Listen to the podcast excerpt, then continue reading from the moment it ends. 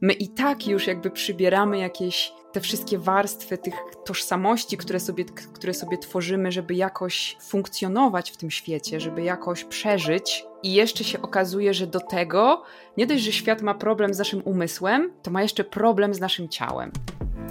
Cześć, nazywam się Ola. Mam 36 lat, normalną pracę, męża i ADHD i jeśli to, co przed chwilą powiedziałam, wzbudziło Twoją ciekawość, to mam nadzieję, że zostaniesz tu ze mną na chwilę, bo właśnie do takich osób jak Ty chciałabym dotrzeć. Szacuje się, że jakieś 15-20% ludzi na świecie to osoby nieneurotypowe. Tylko, że nie każdy o swojej neuroróżnorodności wie. Jest cała masa kobiet, które od zawsze odczuwają pewien dyskomfort, tylko nie do końca wiedzą, jak go nazwać. I bez świadomości tego, co może być jego źródłem, szarpią się ze sobą i cierpią w milczeniu. Bo o ADHD czy szeroko pojętej neuroróżnorodności u kobiet mówi się zdecydowanie za mało. I bardzo chciałabym, żeby ten stan rzeczy zaczął się powoli zmieniać. No i właśnie dlatego tu jestem. Żeby podzielić się z Tobą moją historią i żeby dopuścić do głosu inne kobiety atypowe, z którymi będę tu rozmawiać. Dzisiaj więc historia mojej kolejnej gościni.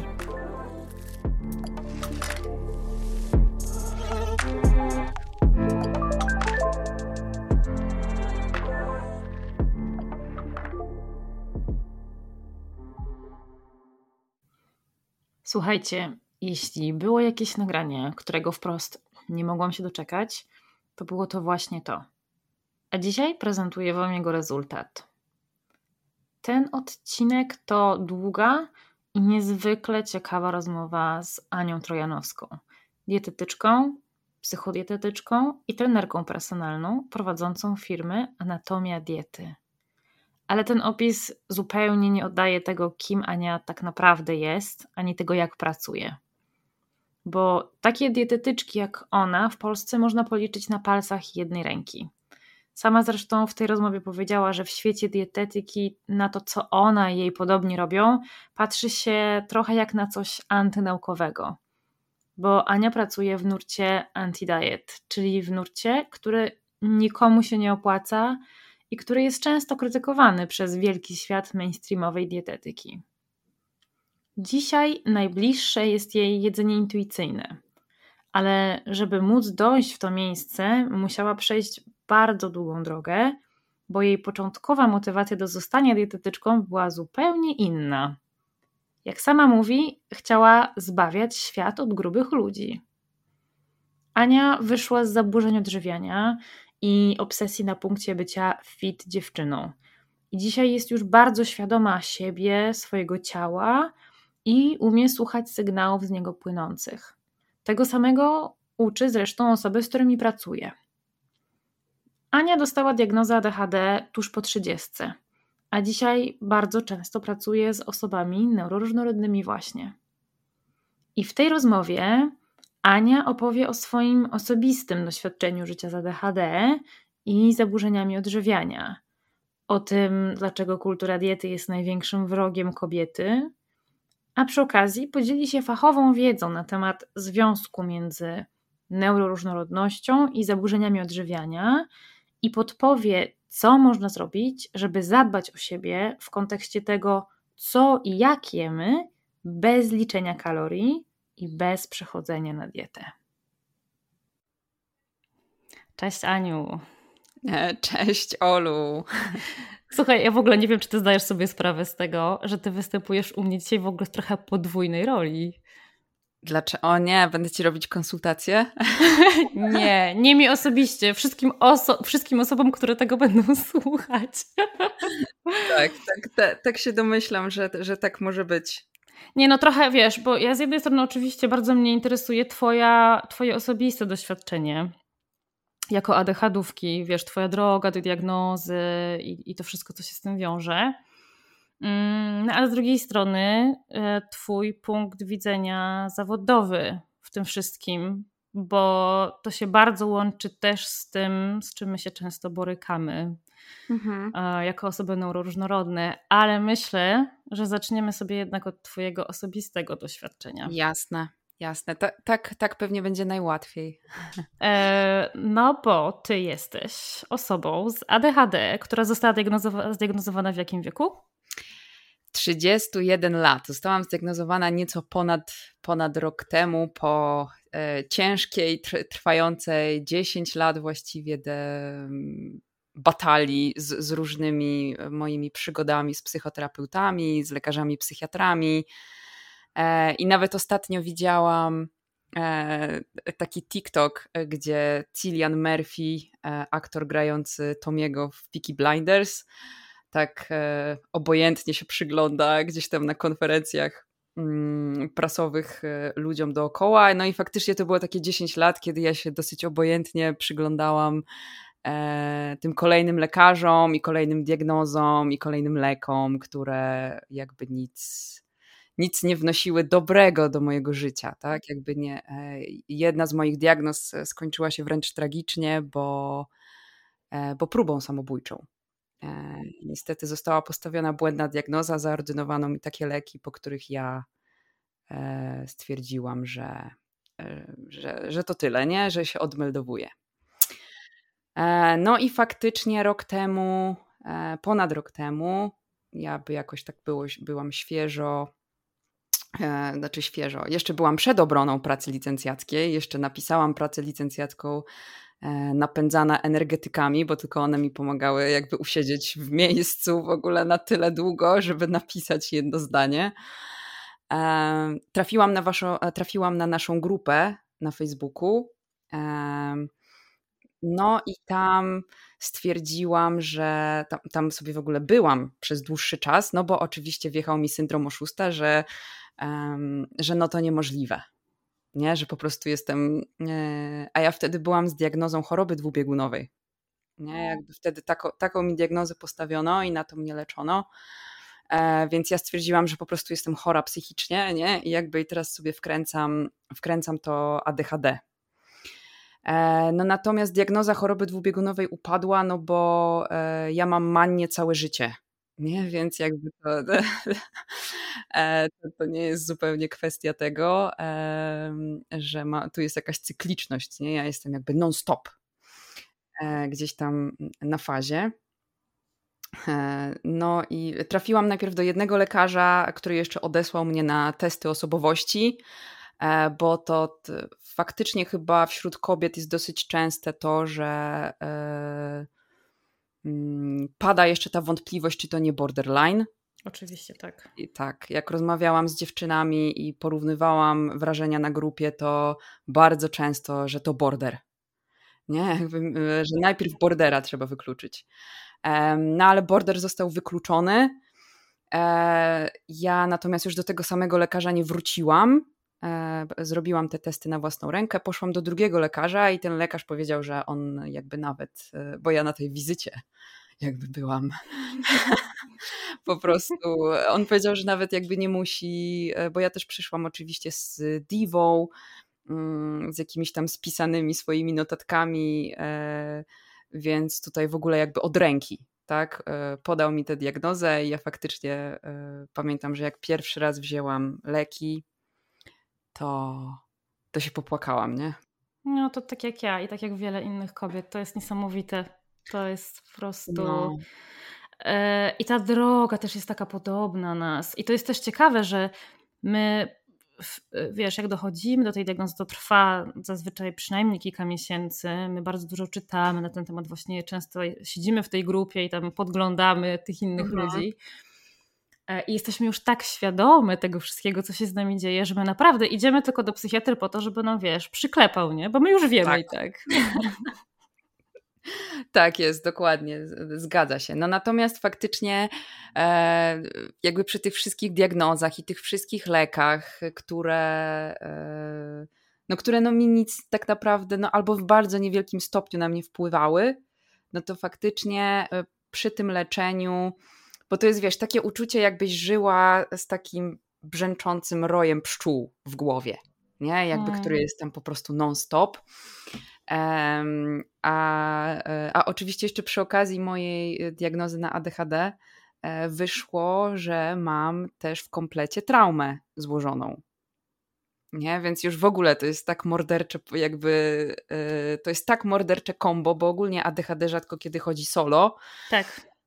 I ogólnie życie jako osoba neuroatypowa jakby na tym świecie to już jest trauma sama w sobie. No ale tak się okazało, że takie kombo mam.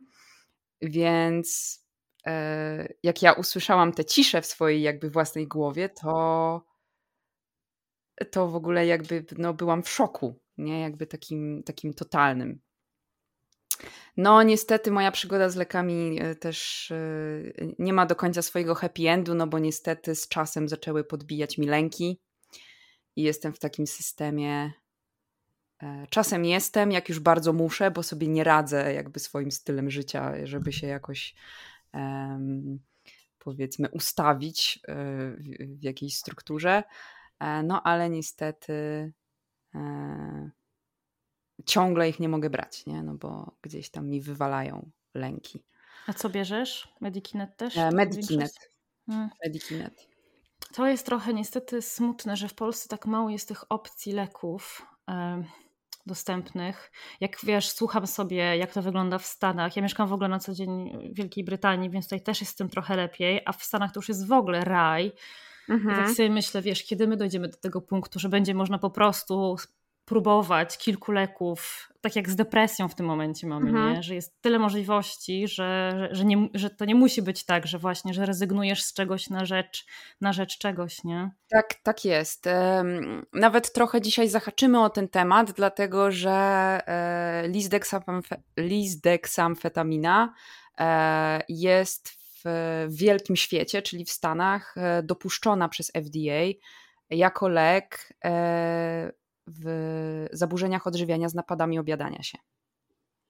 Nie? Jakby okazało się, że wpływa na te same ścieżki, e, na tę impulsywność, na te problemy jakby z samokontrolą i tam normalnie e, takie cięższe przypadki tego zaburzenia odżywiania się leczy.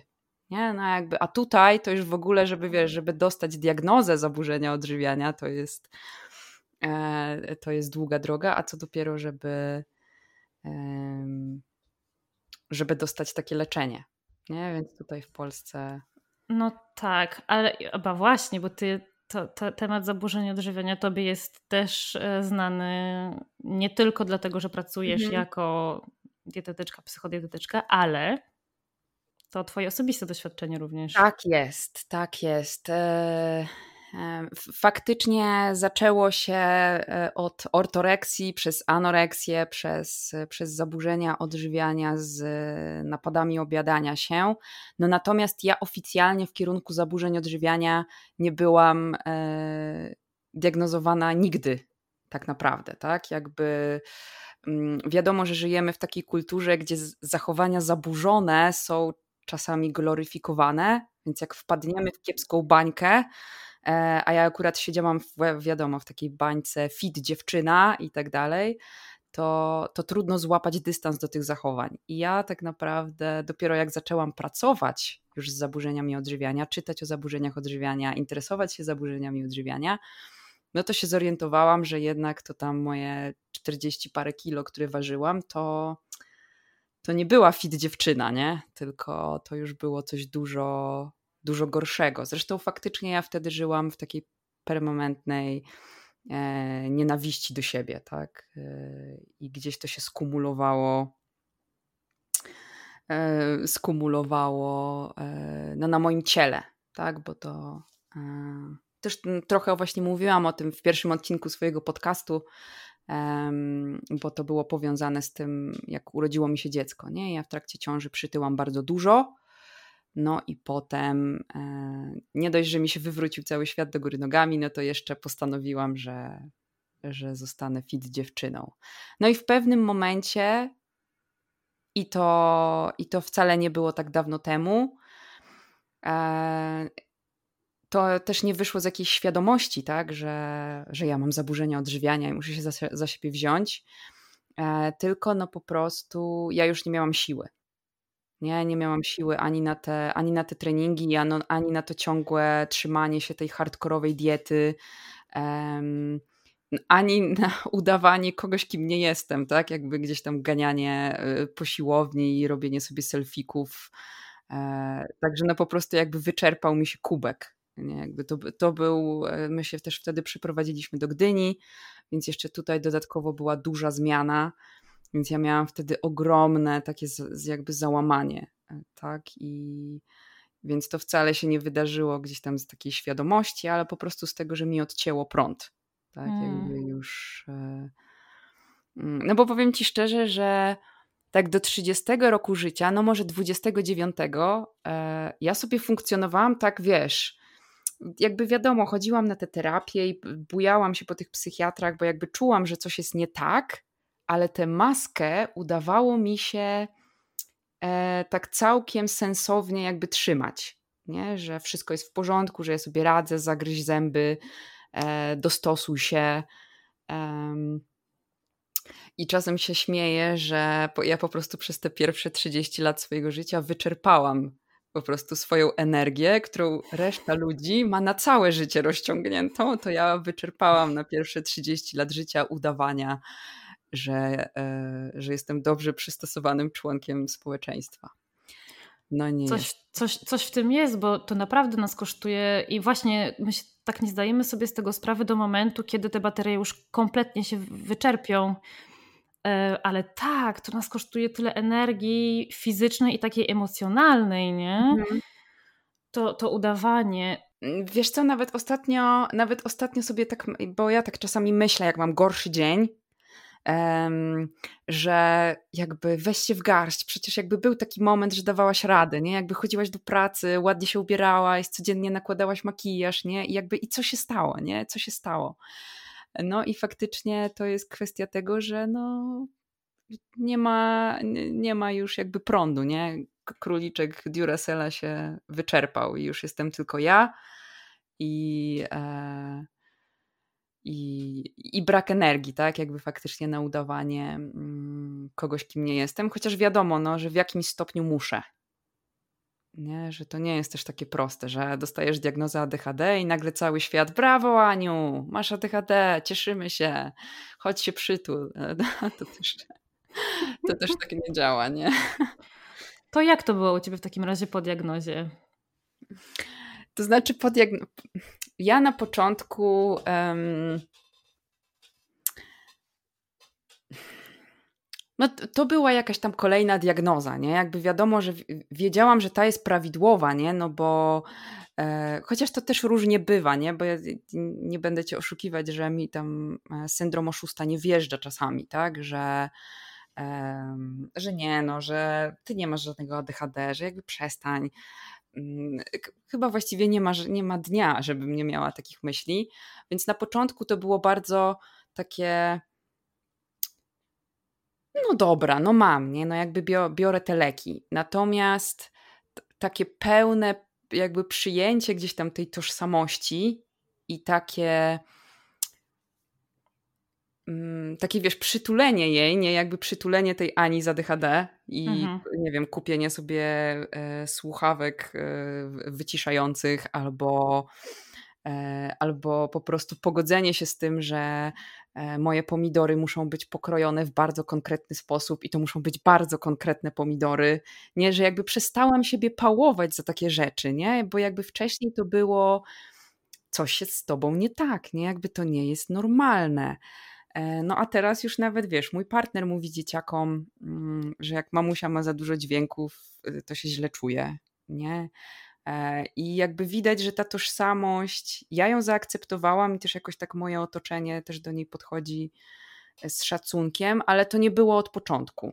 Nie, na początku było dalej, muszę się naprawić. Nie, bo ja jak dostałam mm, diagnozę ADHD i diagnozę e, PTSD, to zaczęłam kolejną terapię, już ukierunkowaną taką na to, i ja w tą terapię weszłam z nastawieniem, teraz mam prawidłowe diagnozy, więc ja się teraz naprawię i będę normalna. Ale to jest też bardzo typowe dla nas myślenie. Myślę. Tak, tak, tak, tak, dokładnie. I powiem ci, że naprawdę bardzo niedawno temu coś mi, nie wiem, czy to może było z pół roku temu, coś mi kliknęło w głowie, że, e, że dostałam takie karty, jakie dostałam, i gram z tym, co mam, i to jest okej, okay, nie? I ja, I ja się nie muszę ani, ani dostosowywać, ani dopasowywać, że mogę jakby, że to jest okej, okay, to że ja nie jestem w stanie się skupić 8 godzin na pracy, że nie jestem w stanie robić kampanii sprzedażowych, tak jak to robią wszyscy na Instagramie, że to jest ok, że mam atak paniki, jak ktoś e, się umawia do mnie na, na konsultację albo zaprasza mnie do podcastu, no bo jak to? Nie, jakby no całe życie uczono mm, jakby mnie o mnie i postrzegania mnie jakoś w zupełnie inny sposób, tak? I wcześniej ja bardzo z tym walczyłam nie? że ja się chciałam tego pozbyć. E, I nadszedł taki moment, że stwierdziłam, że no łatwiej chyba będzie, jak e, gdzieś tam spróbuję to. Po angielsku jest takie ładne słowo embrace it, tak? Jakby, czyli nie zaakceptować, ale tak pozwolić, żeby, żeby to sobie było. I od tamtej pory faktycznie jest tak, no może nie powiem, że łatwo, bo łatwo to nie jest, e, ale, ale jest lżej nie? Że tak sama, że sama od siebie dostaję gdzieś tam takie widzę cię i akceptuję cię taką, jaką jesteś, nie musisz być super zorganizowana. To jest dobre słowo, e, że jest lżej. Mhm. Ja mam mhm. też takie poczucie i powiem ci, że dosłownie wczoraj rozmawiałam z koleżankami na ten temat, że są tak pewne emocje, które towarzyszyły mi zawsze w pewnych sytuacjach, tylko ja je bardzo tłumiłam i nie pozwalałam sobie na nie, nie dawałam sobie przestrzeni na odczuwanie tych rzeczy, bo ja się za nie karciłam, bo byłam przekonana, że to, jest, że to nie jest okej okay tak myśleć mhm, tak albo jest. czuć. Tak jest. I dopiero teraz zaczynam wchodzić w ten proces takiego akceptowania tego i właśnie dawania przestrzeni tym emocjom. A to mhm. naprawdę nie jest łatwe. To nie, nie, nie, nie. Absolutnie. Znaczy to jest. No ja nawet mam taki przykład z wczoraj. Um przegięłam, y, za długo nie jadłam. I pojechaliśmy do centrum handlowego i stwierdziliśmy, że pójdziemy na Subwaya. No i mój partner szybko zamówił, a ja stałam i się jakby paraliż, nie? Jakby w sensie wiem, że jestem głodna i muszę zjeść, ale patrzę na te wszystkie opcje i w ogóle jakby Ania jest nieobecna, nie? Jakby Ania nie wie, czego chce, Ania nie wie, co się dzieje w jej ciele, nie? I kiedyś bym, mm, kiedyś bym faktycznie gdzieś to jakby, wiesz, przytłumiła, tak? Bo tam faktycznie partner mnie trochę jakby zaczął poganiać, no ale ja mu powiedziałam, że potrzebuję czasu, muszę się zastanowić, dokładnie przeanalizować każdą opcję, bo gdybym w tamtym momencie wybrała tę kanapkę z tego Subwaya, która nie byłaby dokładnie tym, czego bym chciała, to mi się załamała, nie? Jakby kompletnie. Mm-hmm. Um, więc to nawet widać w takich naprawdę małych rzeczach, nie? Że przestajemy. E, jak mam trzy warzywa na krzyż, które lubię, to jem trzy warzywa na krzyż, nie? Jakby kiedyś bym e, na siłę e, ładowała. Nie? Więc e, chociaż no to się objawia też tym, że pewne struktury sobie buduję wokół. Na przykład wiem, że y, ekspozycja na telefon mi nie służy. Nie? Że jak już mam taki doom scrolling, to to już jest. I to, I to wcale nie jest łatwe, tak? Żeby sobie zbudować wokół tego strukturę. Ale tak. ja wiem, tak, że że w perspektywie na chwilę poczuję się lepiej, ale w perspektywie długoterminowej będę po prostu wyprana. Tak samo jest z higieną snu, z aktywnością fizyczną, tak? Także tu jest łatwiej już, bo wychodzisz z taką intencją, żeby nie zgnoić siebie, gdzieś tam zgnębić siebie, ale żeby się sobą zaopiekować, nie? Że całe życie jakby gdzieś tam byłaś um, piłowana i teraz możesz się sobą zająć. No, tak. Czasami ma to też wyraz w strukturach, tak? Ale, ale ta intencja, która za tym stoi, już jest zupełnie inna. To prawda. Co nie oznacza wcale, że to jest, że to jest łatwiejsze. I tak jak ty mówisz o tym, wiesz, e, o tych, o tych nowych strukturach, to jest, to jest mega trudne, bo to też nie może być tak, że my sobie coś zabierzemy, nie? My musimy coś zastąpić czymś. A zbudowanie tej nowej struktury i znalezienie tych nowych rzeczy, które, które mogą nam to coś zastąpić, to, to też wymaga dużo czasu i takiego wglądu w siebie. I... Tak, tak, tak. I to, no, to jest faktycznie bardzo trudne, no bo yy, no przez całe życie no jakby raczej yy, nie, w, jesteśmy raczej namawiani do tego, żeby się odwracać od siebie. Tak? Więc my bardzo często, jak dostajemy tę diagnozę, to się nagle okazuje, że cała nasza osobowość to jest w ogóle jakiś taki wielki zbiór odpowiedzi na traumę, nie? Jakby w sensie, że my w ogóle nie wiemy, jakby. E, ja na przykład mam taki dosyć niespotykany, e, jak na osobę z ADHD, chociaż to jest trochę moja ADHD, trochę moja trauma. Ja jestem kontrol freakiem. W sensie ja sobie zbud... Tyle razy, jakby wiesz, yy, ja się nauczyłam, że ja muszę mieć jakby wszystko pod kontrolą, no bo wiadomo, czasem w przeszłości wyskakiwało mi ADHD, więc ja się nauczyłam, że jak będę po prostu z taką obsesją kontrolować jakby wszystkie czynniki, nie, to się nie wyłożę na tym. E, więc faktycznie e, też pewnie jeszcze ten temat poruszymy, ale to jest też powiązane z zaburzeniami odżywiania. Tak, tak, tak, tak. No. Ja właśnie chciałam o tym powiedzieć, że ja to widzę u siebie w wielu aspektach bardzo. Ja myślę w ogóle, że to takie poczucie kontroli mhm. u mnie jest jedyną, jedynym powodem, dla którego ja nie wpadłam nigdy w uzależnienia, bo ja nie lubię tracić kontroli. Mhm. No i to też nie jest takie, wiesz, mm, to samo uczucie kontroli jest też nagradzające. Tak. Nie? Jakby wiesz. Ja pamiętam, znaczy teraz już jest trochę lepiej z tym, mm, ale jak, e, bo tam czasami e, e, właściwie tą kontrolą też karmi się trochę mój syndrom oszusta, dlatego że w książkach masz czasami, że osoby z ADHD mają problem z podążaniem za instrukcjami. Nie? Mnie instrukcje jakby w sensie napędzają mi tak, taką reakcję lękową, ale ja nie mam problemu z podążaniem za instrukcjami do tego stopnia, że jak widzę kiedyś, jak e, miałam w przepisie na pizzę rozwałkuj do 30 cm średnicy, to ja brałam centymetr i odmierzałam 30 centymetrów średnicy. Nie, i to mi dawało, jestem taka zorganizowana, nie, jakby spójrzcie, jestem w ogóle idealna, nie, także, także, no ale masz napisane, że nie, no jakby no ADHD-owcy tak nie robią. Tak. Więc mi się taki faktycznie mechanizm kompensacyjny na te wszystkie moje e, potknięcia gdzieś tam w życiu e, wykształcił. Ale to też jest w ogóle dla mnie ciekawe. Mnie bardzo fascynuje ta zależność między ADHD a, a traumą. Jakby wiesz, co z czego wynika, w jakim stopniu. Mhm. I powiem ci, że im bardziej się zagłębiam w ten temat, tym, tym mniej wiem. E, I tym, tym, tym bardziej chcę to zrozumieć, ale też mam wrażenie naprawdę, że znaczy w ogóle z jednej strony bardzo też łatwo jest pomylić um, objawy, jakie, jakie CPTSD może dawać z tak. objawami ADHD, to raz, a dwa, że one właśnie lubią bardzo często chodzić w parze. Tak. E, tak. I z, to prawda. Jak tak się oglądam wokół siebie i te wszystkie kobiety, z którymi rozmawiam, tylko to potwierdzają. Mhm. Tak, faktycznie jest tak, że e, objawy CPTSD i ADHD bardzo się na siebie nakładają.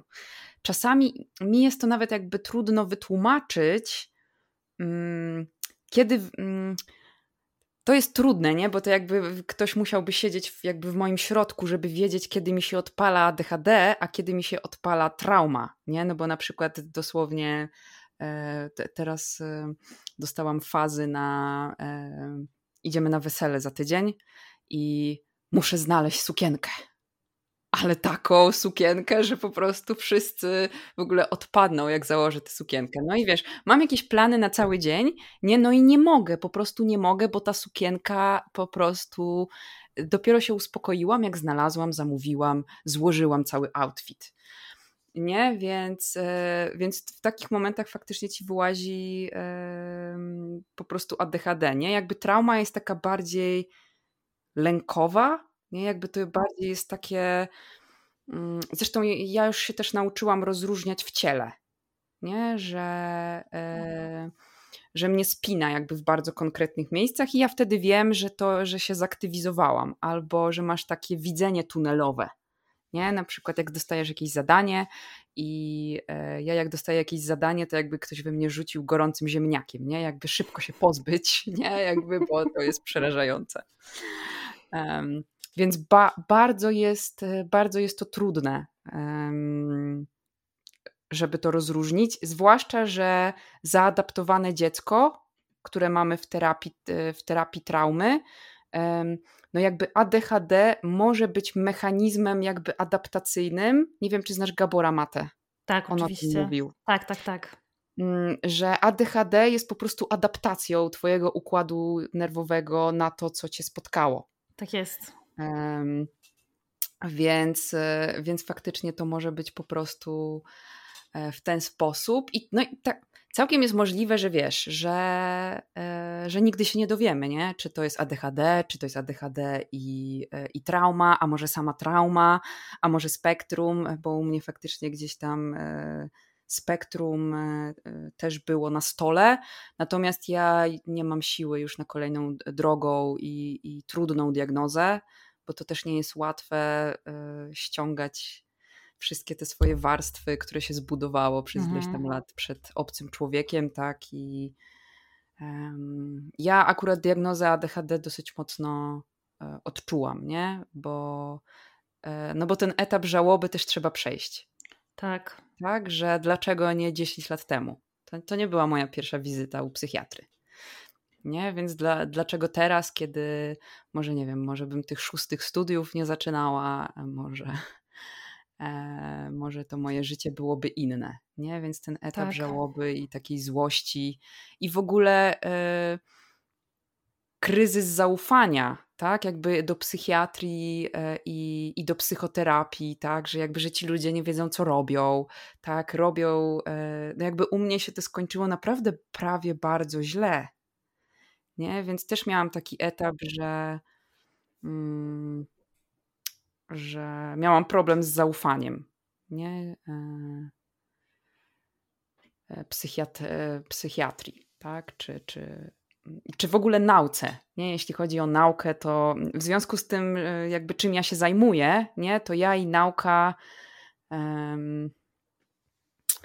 to ja i nauka mamy skomplikowaną relację nie? Bo, e, bo ja jestem bardziej team, team człowiek i, i w sumie nie potrafię się jakby odnaleźć w tej takiej retoryce hmm, cyferek, cytowań, jakoś, jakoś jest to dla mnie od, odczłowieczone i nie widzę w tym momencie, żeby nauka do końca służyła, e, służyła człowiekowi, jakby gdzieś w, przynajmniej w tej bańce, w której ja jestem.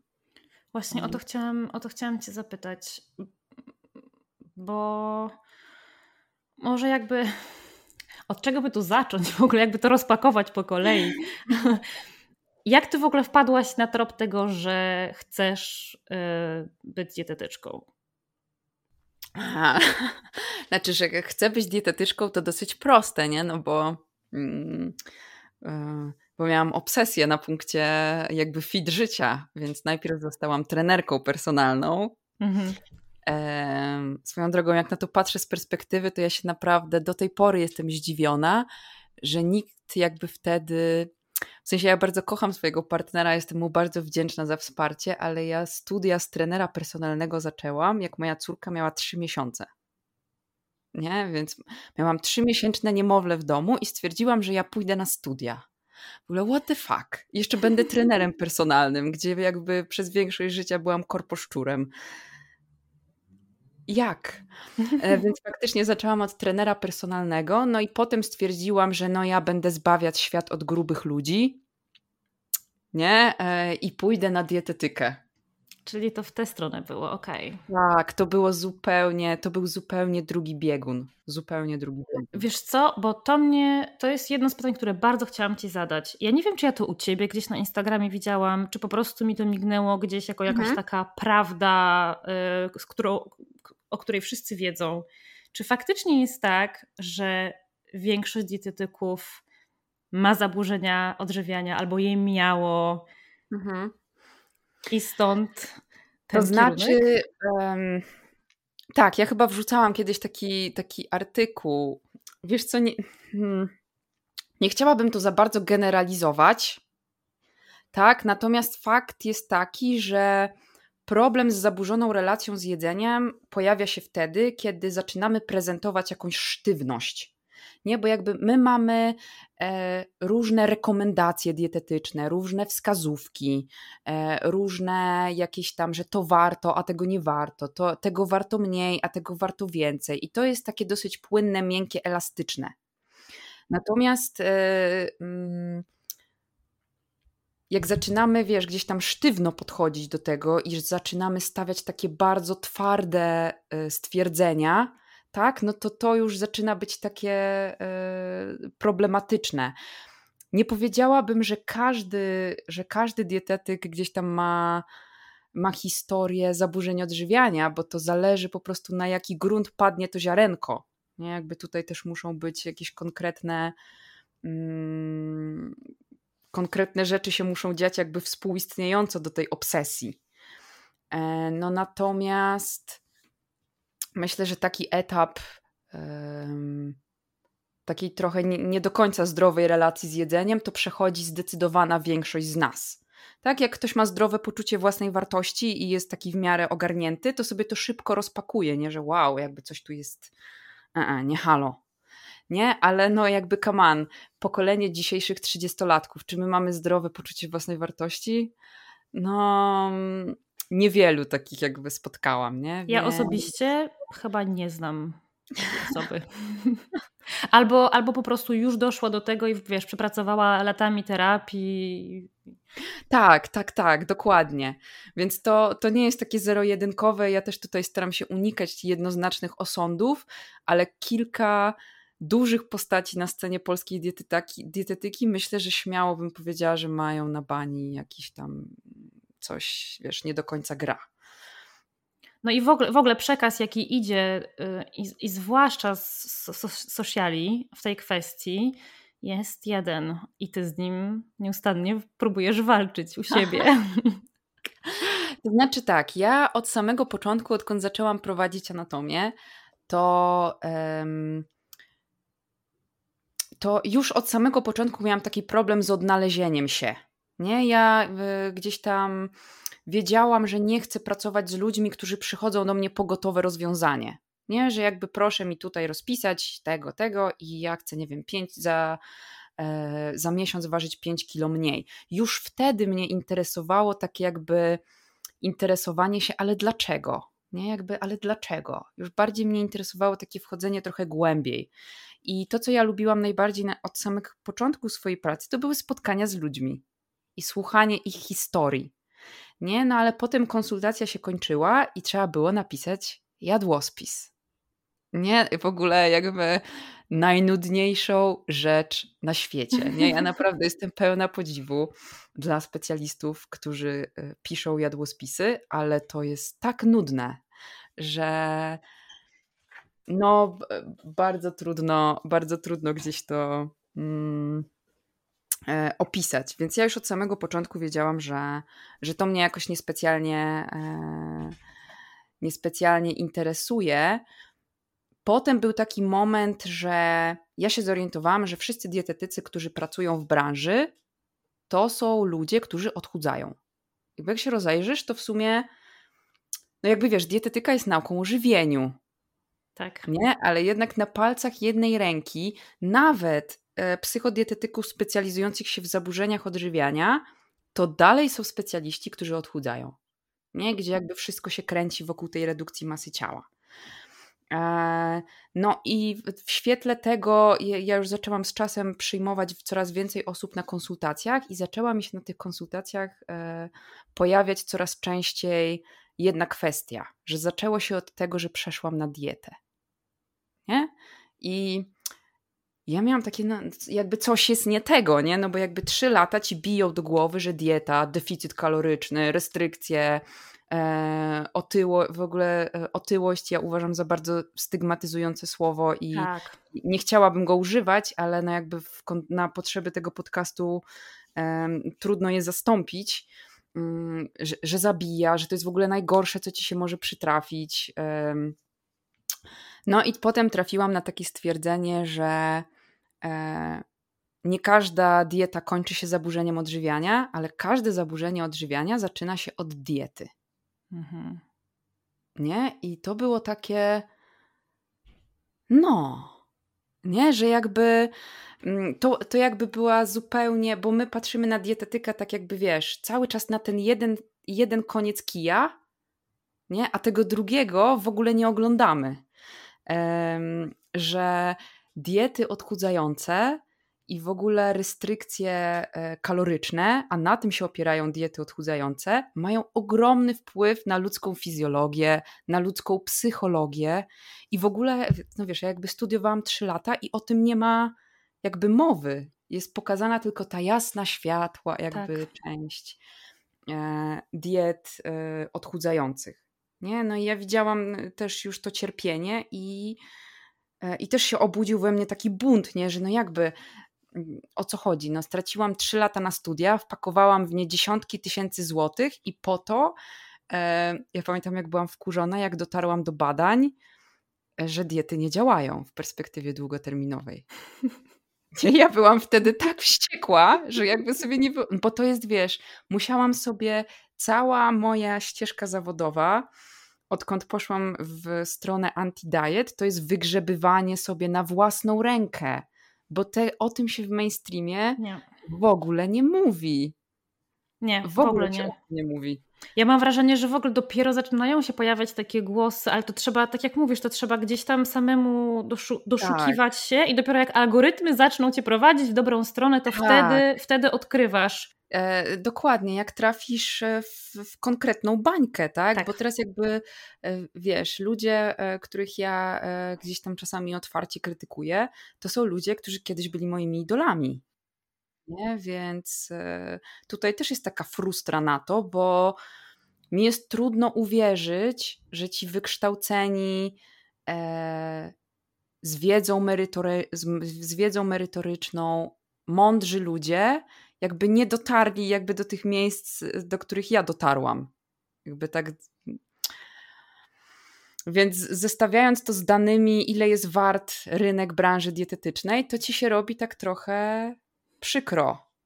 A że ja z racji swojej historii, swoich doświadczeń z ADHD i, e, i z traumą mam alergię na niesprawiedliwość, tak? I, I na to, że osoby totalnie jakby postronne po prostu cierpią na tym, no bo e, jak się naprawdę zacznie trochę pracować e, w zaburzeniach odżywiania, to, e, to ci ludzie bardzo cierpią. Nie? I jakby i tego tak. cierpienia mogłoby nie być.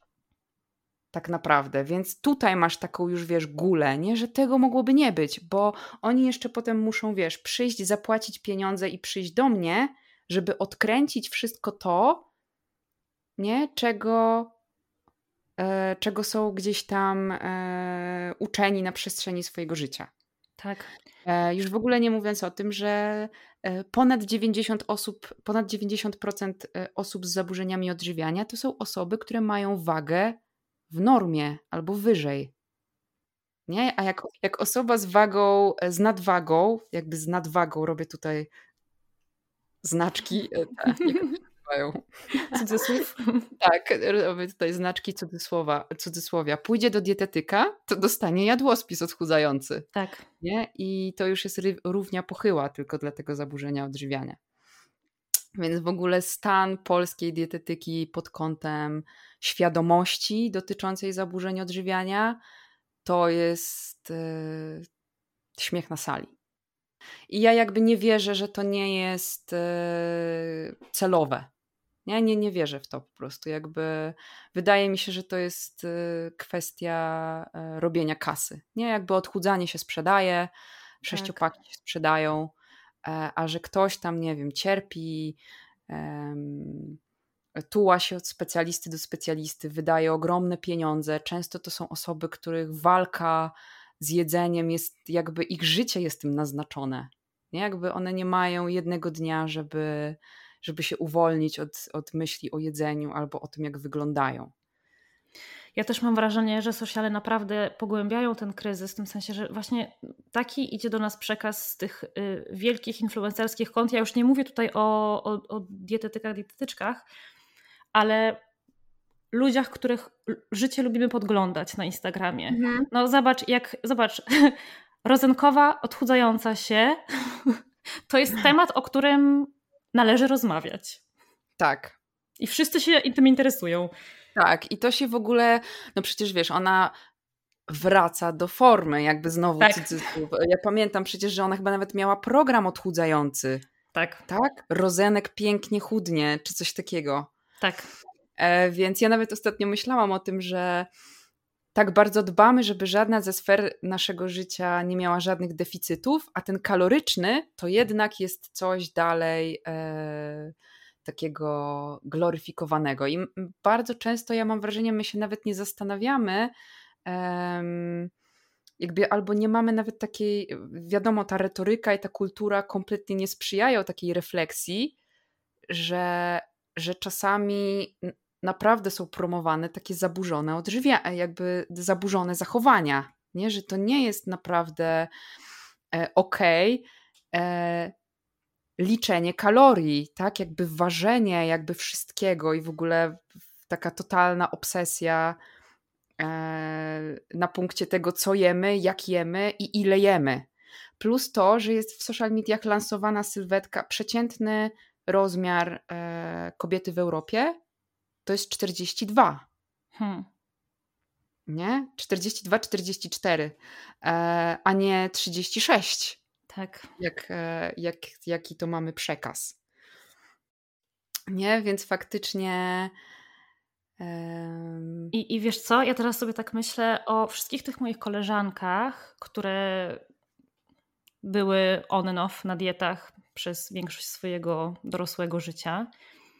I no bo to jest tak, że kiedy schudniesz i to tak drastycznie, mhm. to słyszysz komplementy. Mhm. Więc idzie przekaz, że aha, czyli ja powinnam tak wyglądać, bo wtedy czuję się dobrze i słyszę, że dobrze wyglądam, bo przecież jak byłam gruba, otyła, i tutaj znowu stawiamy cudzysłów, to, to nikt nie komentował mojego wyglądu. Tak jest.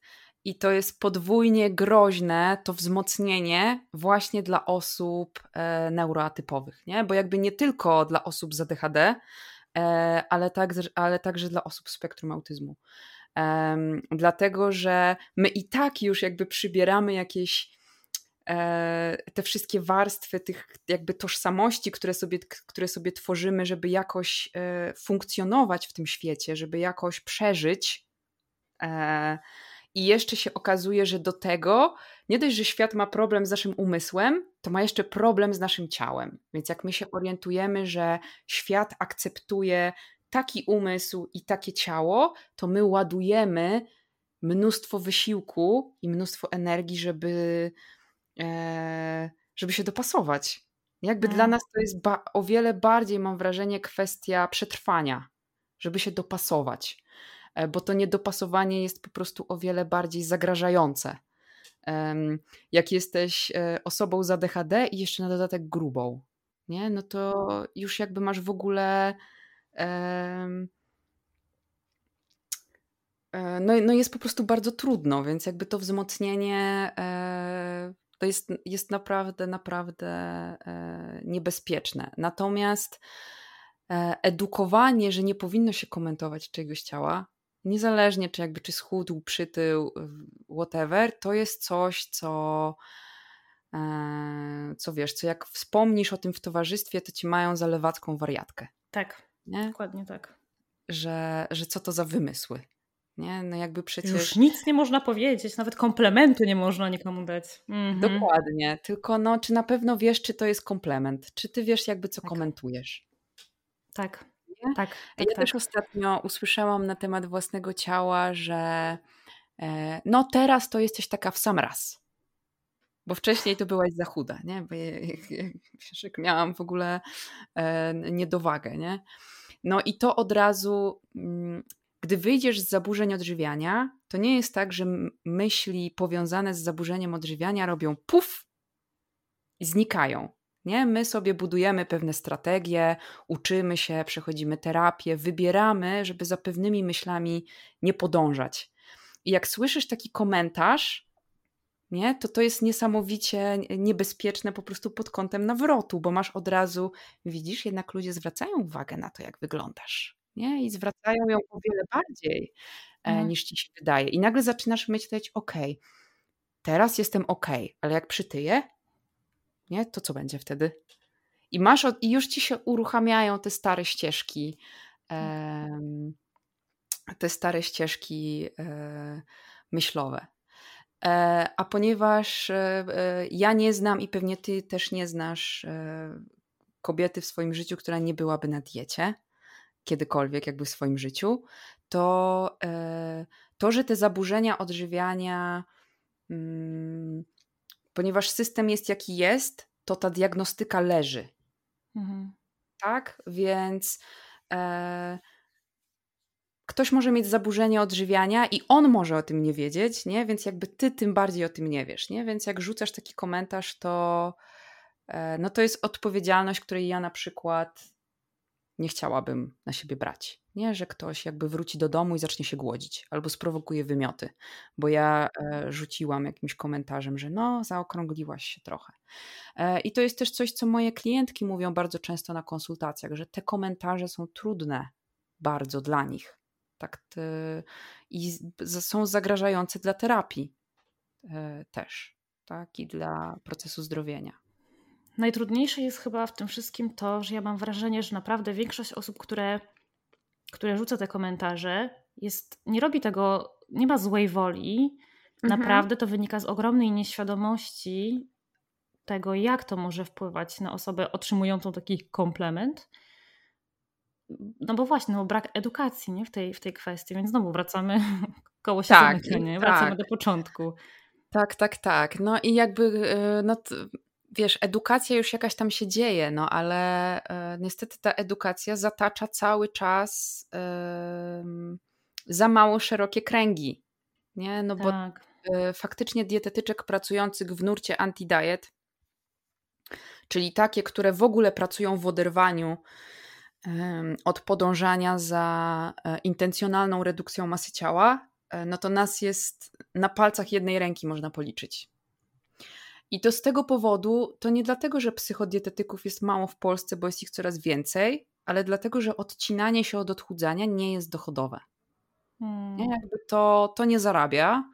Um, i, e, I po prostu jakby żyje się o wiele trudniej bez tego w zawodzie dietetyka, no bo jest on zdominowany e, przez tę kulturę odchudzania, tak? I tego, że wszystko się kręci wokół odchudzania. Mi osobiście jest tak dosyć mocno przykro, no bo jakby całe to środowisko moglibyśmy sobie zrobić taki okrągły stół dietetyczny i pogadać. Nie? Natomiast my przez tuzów polskiej dietetyki jesteśmy raczej tępieni.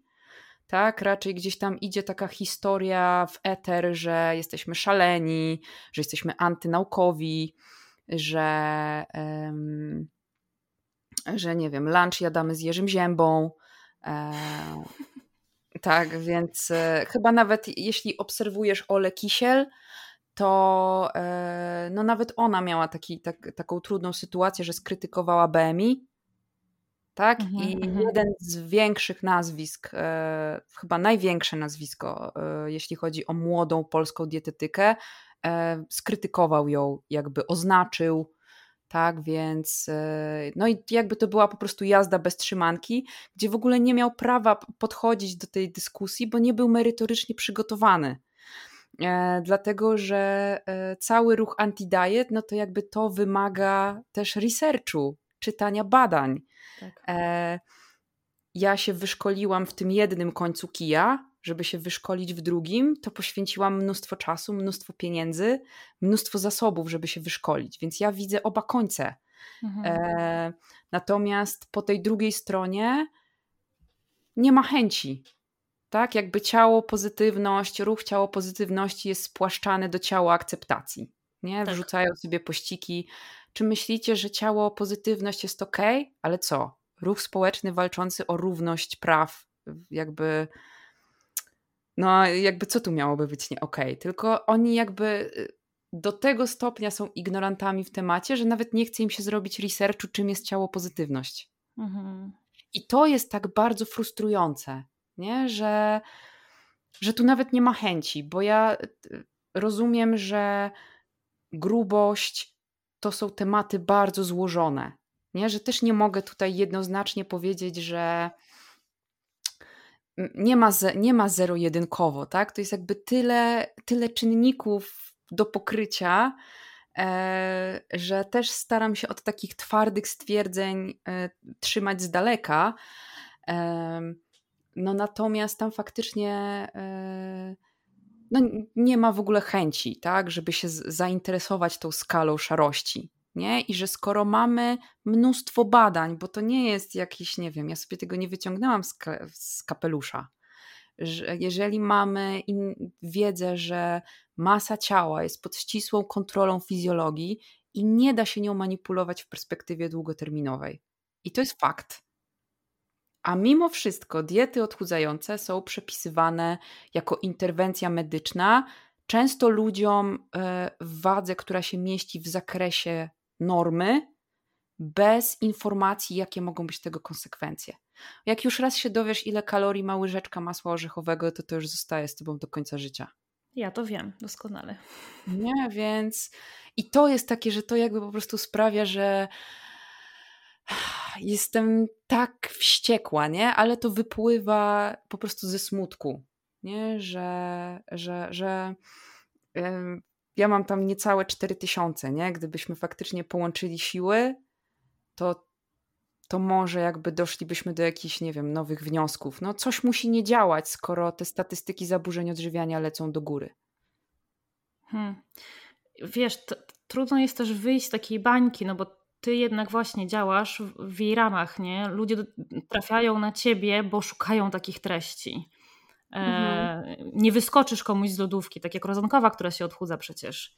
Mhm. Tu, jest, tu jest problem, nie? E, nie ma dla was wystarczająco miejsca w przestrzeni, mhm. żeby, żeby, żeby dać wam głos. Tak jest.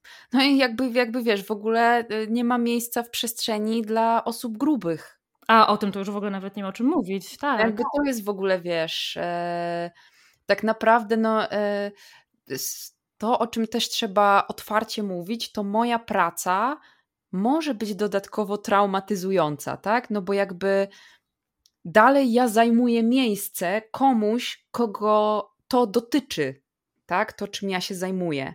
E, w Polsce nie ma grubych dietetyków. Hmm. Nie ma. Nie? Jak do mnie przychodzi klientka, która, e, która prosi o namiar, że chciałaby się skonsultować, że czułaby się bardziej komfortowo, gdyby się skonsultowała z kimś, e, kto e, żyje w takim samym jakby ciele co ona, to nie ma. Nie, bo za granicą to już, to już jest jakby inna historia, a my jesteśmy w ogóle w w jakiejś epoce lodowcowej, tak? Jeśli chodzi o postęp w tych tematach. Wiesz, że w ogóle o tym nigdy nie myślałam w tych kategoriach, ale rzeczywiście ja myślę też, że wiele osób nie zaufałoby dietetyczce, która, która nie jest szczupła. Tak jest. Tak jest. I to jest jakby, wiesz, i to jest, i to jest takie błędne, e, błędne koło. Mhm. Natomiast to, co faktycznie najbardziej boli, no to też to, że ciało pozytywność E, jest rozrywana na strzępy e, przez, e, przez szczupłe osoby. Hmm. Nie? I tutaj dalej się też jakby toczy wojna i dalej zdominowany jest głos tych, których w ogóle to powinno dotyczyć. I to też wynika gdzieś tam z braku, z braku edukacji. Także no, można by tutaj, wiesz, mogłybyśmy pewnie całą noc o tym przegadać, nie? Pewnie Bo to, tak. jest, to, to, są kwestie tak niezwykle złożone i tak bardzo pełne błędnych kół. I to jest też tak głęboko w nas zakorzenione. I ja ci powiem, co mnie ostatnio tak przeraziło i pomyślałam sobie, że muszę ci o tym opowiedzieć. E, na jednej z grup facebookowych przeczytałam post kobiety, która e, pisała o tym, że jej mąż przez wiele lat groził odejściem jeżeli nie schudnie, i to uwaga, była konkretna waga podana 12 kilo. Nie schudła, całe szczęście y, trafiła na grupę wspaniałych kobiet, które utwierdziły ją w przekonaniu takim, że należy od takiego kolesia natychmiast odejść. I... Mhm. Ale, ale rozumiesz, Ale to wiesz, to, y, to, to w ogóle ja pierdzielę.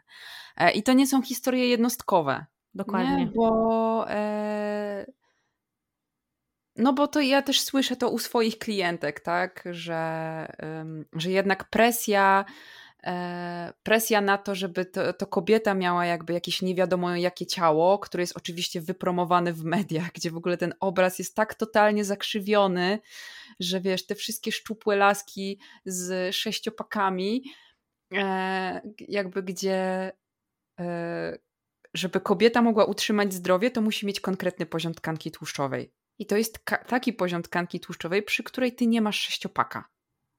Mhm. Nie? A jednak pokazuje się nam, wiesz, wzór kobiety z sześciopakiem um, jako wzór zdrowej sylwetki, do której, do której trzeba dążyć. Tak, ale wiesz, ja się o tym sama bardzo niedawno dowiedziałam i uświadomił mnie e, o tym mój mąż. Mhm. No, także wiesz, no my faktycznie mamy e, faceci. E, wiadomo, też gdzieś tam to jest odczuwane, tak, no ale nie, nie aż na taką skalę e, jak u nas, tak, że po prostu jest obsesja na punkcie, tak. wiesz, e, zaczynają ci siwieć włosy po trzydziestce, to już przecież zaczynasz farbować, bo nie może być widzieć. Tak. Nie? Ten też, też cały ten przemysł medycyny estetycznej. Nie wolno nam się starzeć. E, brak makijażu to jest przecież też dalej e, wiadomo, no lewackie wariatki, nie? nie Właśnie chciałam nie... powiedzieć, to wszystko, to wszystko, o czym tutaj mówimy, siwe włosy, brak makijażu, e, to jest, to jest domena, e, tak, lewackich wariatek, dokładnie. Tak, tak jest, dokładnie. No i to wszystko wynika z tego, że e, nasze ciała nie należą do nas. Tak. Nie? No i, i, tyle w temacie, no po prostu. I, i, a przy ADHD, no jakby wiesz i przy neuroatypowości, i przy w ogóle ogólnie jakichkolwiek problemach ze zdrowiem psychicznym, nie dość, że jakby wiesz, musisz walczyć ze swoją głową, to jeszcze musisz, wiesz, mieć idealnie wygolone bikini, e, gdzie nas kosztuje to, jak ja ostatnio czytałam badania, że my żyjemy średnio 20 lat krócej niż tak. populacja ogólna, to powiem ci, że jak ja bym chodziła z podpiętym gdzieś do tyłka jakby jakimś urządzeniem mierzącym poziom stresu, nie? No, no bo jakby wiesz, to co osoba neuroatypowa może tak względnie gdzieś tam powiedzmy zbudować sobie i to jest takie dla niej powiedzmy, że w miarę komfortowe i łatwe do utrzymania, to dla mnie to jest zażynanie się. Nie? W sensie ja bym musiała e, nie wiem, na spidzie chyba chodzić, nie? Żeby jakby być w stanie, wiesz. E, a przecież wiadomo, że kobiety mają więcej tych ról do ogarnięcia. Oczywiście. Nie? Więc to jest po prostu kwestia tego, że nas to o wiele więcej kosztuje. Nie? Bo, bo jesteśmy ślepi na przyszłość, tak? Ostatnio właśnie słuchałam, że ADHD to jest po prostu ślepota na przyszłość i na konsekwencje, tak? Więc my dopiero się zderzamy z przyszłością, jak ona już nam przyjedzie, wiesz, pod nos. Tak, to prawda. E, I to jest 100% racji, nie? Że. Totalnie. E, że te wszystkie takie właśnie techniki, rozpisz sobie na dokładne kroki, ułatwiają nam realizację zadań, bo jesteśmy to w stanie umieścić sobie w umyśle. E, a w sensie nawet u dzieci się czasami są takie techniki, że narysuj mu efekt albo zrób mu zdjęcie, tak? Jakby co ma mhm. zrobić. Bo przy ADHD nie jesteś w stanie jakby sobie tego zwizualizować że posprząta, dobra, mam posprzątać pokój, ale co to znaczy? Co to nie? znaczy, tak? Co ma się wydarzyć, w sensie... Więc to jest, to jest to obciążenie. No i jeszcze do tego presja, presja związana ogólnie z byciem kobietą. E, no a bycie kobietą to jest e, tożsamość, e, która jest no jakby marginalizowana, tak? To, to, to nie jest jakby świat nie jest stworzony pod kobiety. I świat no, nie tak. jest stworzony pod osoby neurotypowe. E, ja myślę, że czas, żeby dojść do takiego sedna tego, o czym ja chciałam z tobą porozmawiać, zanim nam wiesz, czas się skończy. Jak I tak jest? chyba już trochę odjechał ten statek, już trochę popłynął, nie? żeby, żebym ja chociaż nagrała jedną rozmowę, w której wszystko idzie tak, jak sobie zaplanowałam i jeszcze się zmieścić w tym czasie, który sobie zaplanowałam. Ale słuchaj, jak to jest, z tym, z, tą, z tym związkiem między neurotypowością a zaburzeniami odżywiania? Mhm. No, y, faktycznie jest tak, że y, badań na ten temat jest mało. Nie? A badań, a badań, które brałyby kobiety jakby w tym temacie pod uwagę, to już jest w ogóle mało. No natomiast to, co wiemy, to że faktycznie dziewczynki e, i kobiety mają e, prawie pięciokrotnie zwiększone prawdopodobieństwo wystąpienia, rozwinięcia się zaburzeń odżywiania w porównaniu do populacji ogólnej, a e, prawdopodobieństwo wykształcenia bulimii jest aż sześciokrotne. Yes. Tak? Z tego, o ile, się nie, o ile się nie mylę. I faktycznie zaburzenia odżywiania z napadami obiadania się i bulimia e, to są faktycznie e, zaburzenia odżywiania, które występują e, częściej. Tak, mhm. najczęściej, no bo one są powiązane właśnie z impulsywnością, z regulacją emocji, z używaniem jedzenia do stymulacji. No, czasami też jest właśnie to wykształcenie tego kompensacyjnego mechanizmu kontroli. Więc e, to, e, to, co faktycznie znaleziono, to że występowanie zaburzeń odżywiania jest powiązane e, z ADHD i że leczenie w oderwaniu, już nawet się zastanawiano, tak, czy powinno się screenować osoby z zaburzeniami odżywiania pod kątem, że powinno się to wdrożyć, że powinno mhm. się robić taki screening. Nie, to jakby wiadomo w Polsce to jest, wiesz, utopia. Nie, jakby To jest kwestia następnych 100 lat może? E, tak. E, także faktycznie mamy takie wyniki, nawet w kontekście grubości, tak? Ja już używam tego słowa grubość, żeby nie używać tego słowa na o, e, że nawet grubość występuje częściej e, u osób e, z ADHD. A co ciekawe, nawet czytałam ostatnio takie badanie, że anoreksja też się zdarza, rzadziej tak, niż te pozostałe zaburzenia odżywiania, z takiego strachu przed dorosłością. Nie? Że podejmuje się za zachowania restrykcyjne, żeby zatrzymać swój rozwój, bo ponieważ jakby ten lęk przed tym dorośnięciem, przed odpowiedzialnością, przed obowiązkami jest tak duży, nie? że gdzieś na takim e, poziomie podświadomym staramy się opóźnić e, swoje dorastanie. Wow, nie? I że coś takiego e, i że coś takiego się dzieje u osób z ADHD.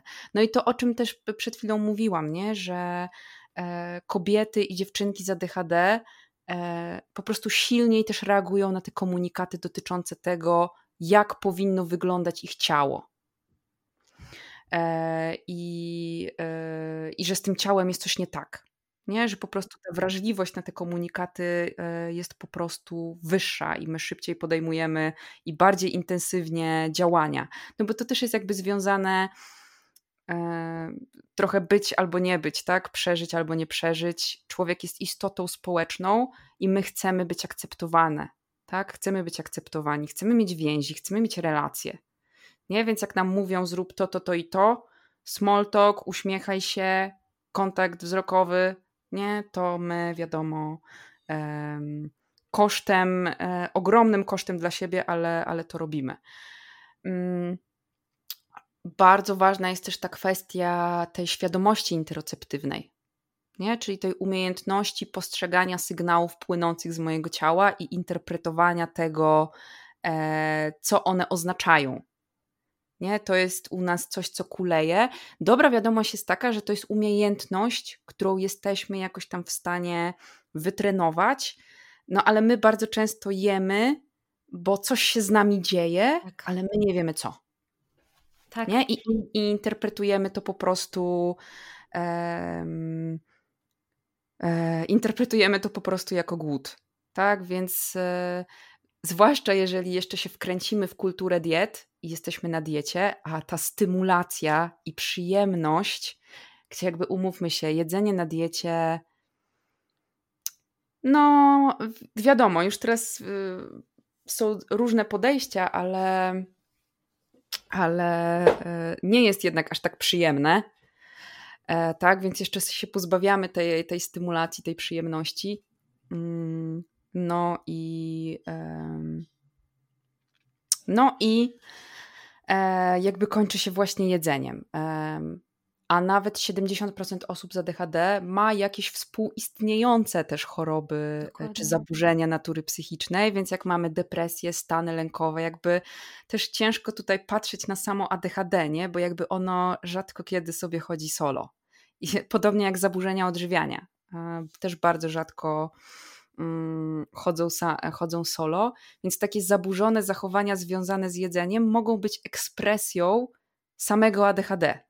Mhm. Nie, że my sobie rośniemy z ADHD, które jest niezdiagnozowane, e, mamy problemy z samoregulacją, mamy problemy z odczytywaniem tego, co się dzieje w naszym ciele, e, silniej reagujemy na bodźce, tak? One są jakby o wiele bardziej dla nas gdzieś tam intensywne, nie? I w odpowiedzi na to rozwija się zaburzenie odżywiania, nie do końca powiązane z tą koncentracją na wadze i wyglądzie, nie? Ale właśnie jakby, że to, to zaburzenie odżywiania jest jakby objawem ADHD. Mhm. Nie? Że jakby to jest po prostu naturalna konsekwencja tego, że, e, że mamy problemy związane z ADHD. Mm. Zaburzeniem odżywiania, o którym się mało mówi, jest e, też ARFID, tak? czyli Avoidant Restric Restrictive um, Food Disorder tak? Czyli e, sytuacja, w której pomijamy posiłki, albo się boimy jedzenia, albo się boimy jakichś konsekwencji związanych z tym jedzeniem, że się zakrztusimy, z, nie wiem, zwymiotujemy, że są tam bakterie, e, że drażni nas jedzenie.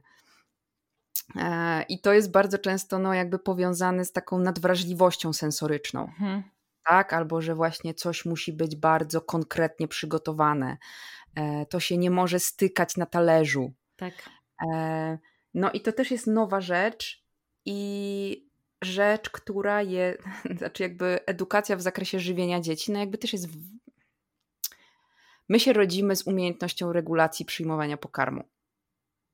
Nie? I to jakby starzy nam to psują.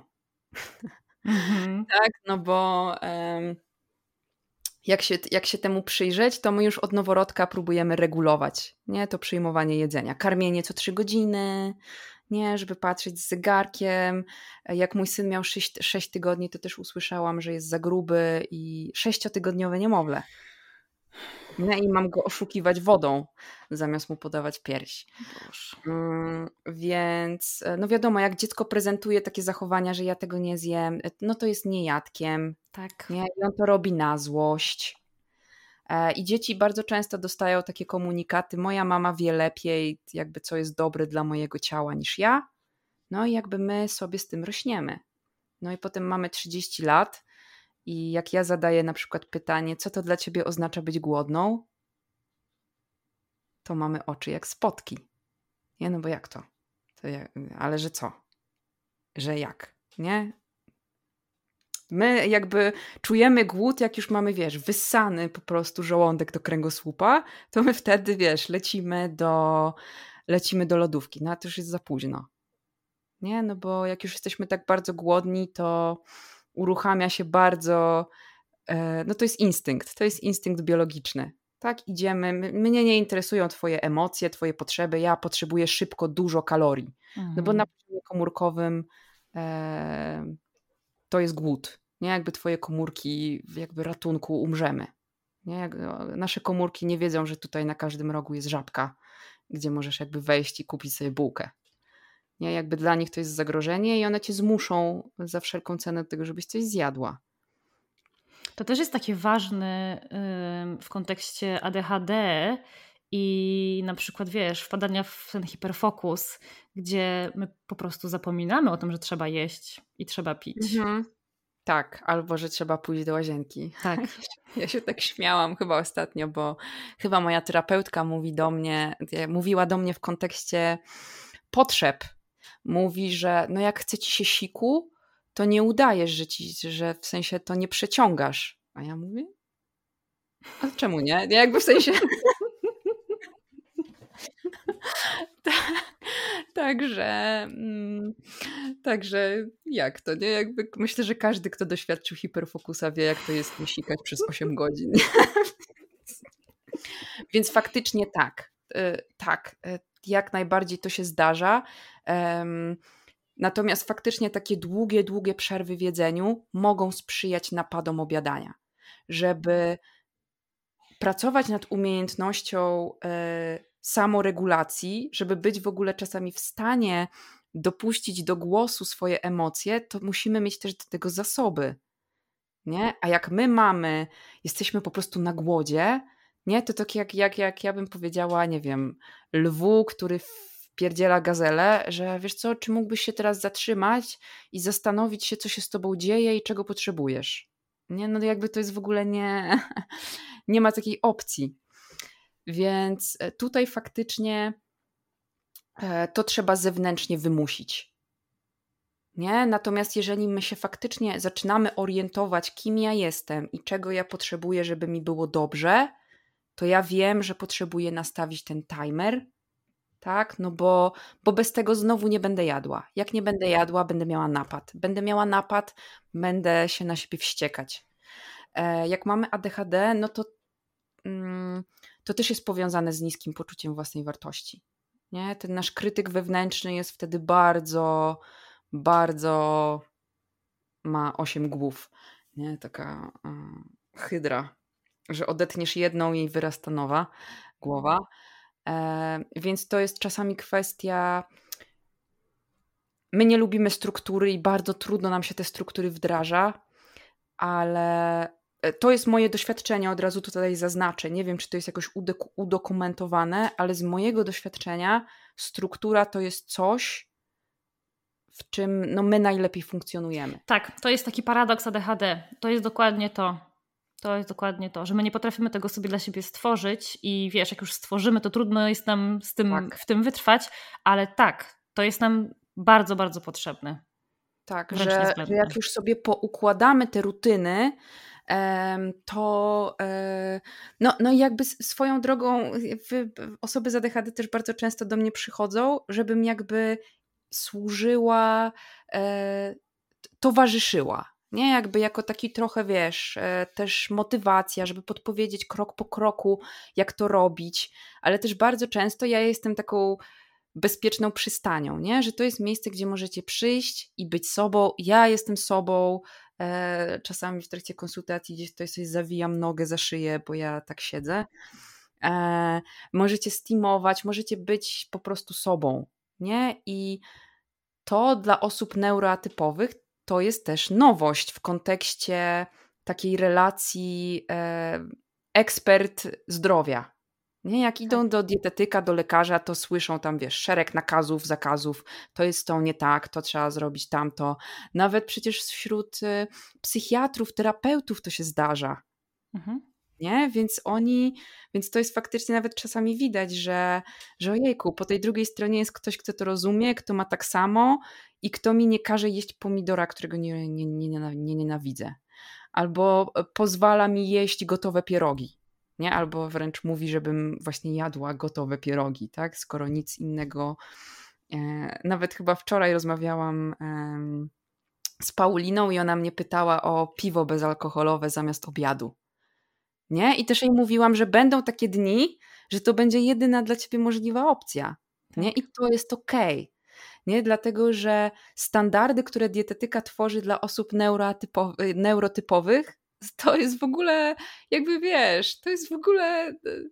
Ha, nie, no, e, to jest zupełnie inna bajka. Nie? My potrzebujemy tworzyć sobie swoje własne standardy e, pod siebie. E, najzdrowsze jedzenie to jest takie jedzenie, które to ciebie wspiera, tak? I wspiera twoje funkcjonowanie, nie? Na każdej płaszczyźnie, nie tylko tej fizycznej, ale też, też psychicznej nie? No bo ty będziesz jadła, nie wiem, te trzy sałatki dziennie, nie? Tylko co z tego, skoro to cię wydrenuje? Tak. Jakby totalnie.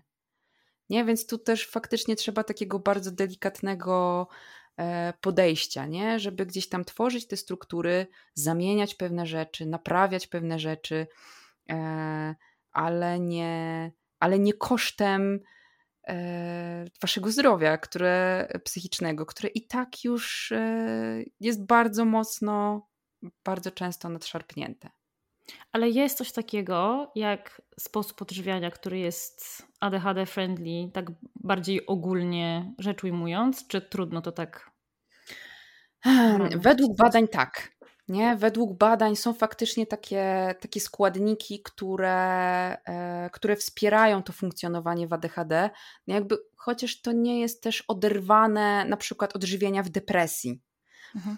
Ja myślę, że tutaj no jakby to nie jest żadne odkrycie Ameryki, nie? że zasadniczo zbilansowana, zróżnicowana dieta, dużo warzyw, dużo owoców, dużo e, tłuszczów e, pochodzenia roślinnego, tak? ten model śródziemnomorski, taki złoty model. Więc to nie jest jakoś, wiesz, jakaś taka niespodzianka, nie? Tylko to nie jest tylko domena osób z ADHD, ale ogólnie wszystkich ludzi. Nas to nie jara. Nie, w sensie, nie, tak, no jakby ja to wiem, nie, ale pójdę, zrobię keto, nie, jakby niesamowicie trudną do utrzymania i niedoborową dietę i to na pewno jakby mi pomoże. E, więc mam, jest ten, mm, chociaż no jakby nie chcę tutaj uczynić jakiegoś krzywdzącego e, uogólnienia, ale mam wrażenie, że nawet u osób z ADHD to jest silniejsze, to e, szukanie szybkich rozwiązań, mhm. nie, ta natychmiastowa gratyfikacja nie? Że, że musi być jakieś magiczne coś. Moim zdaniem i w mojej praktyce i w moim doświadczeniu niestety nie ma. Nie? I jakby im e, gdzieś tam szybciej to zaakceptujemy, tym e, mniejsza krzywda. No bo tak, badania, badania badaniami, nie? Ale my jesteśmy ludźmi, a nie zmiennymi. Nie? Więc e, na, nasze, na funkcjonowanie naszego organizmu e, nie ma zdrowia bez zdrowia psychicznego.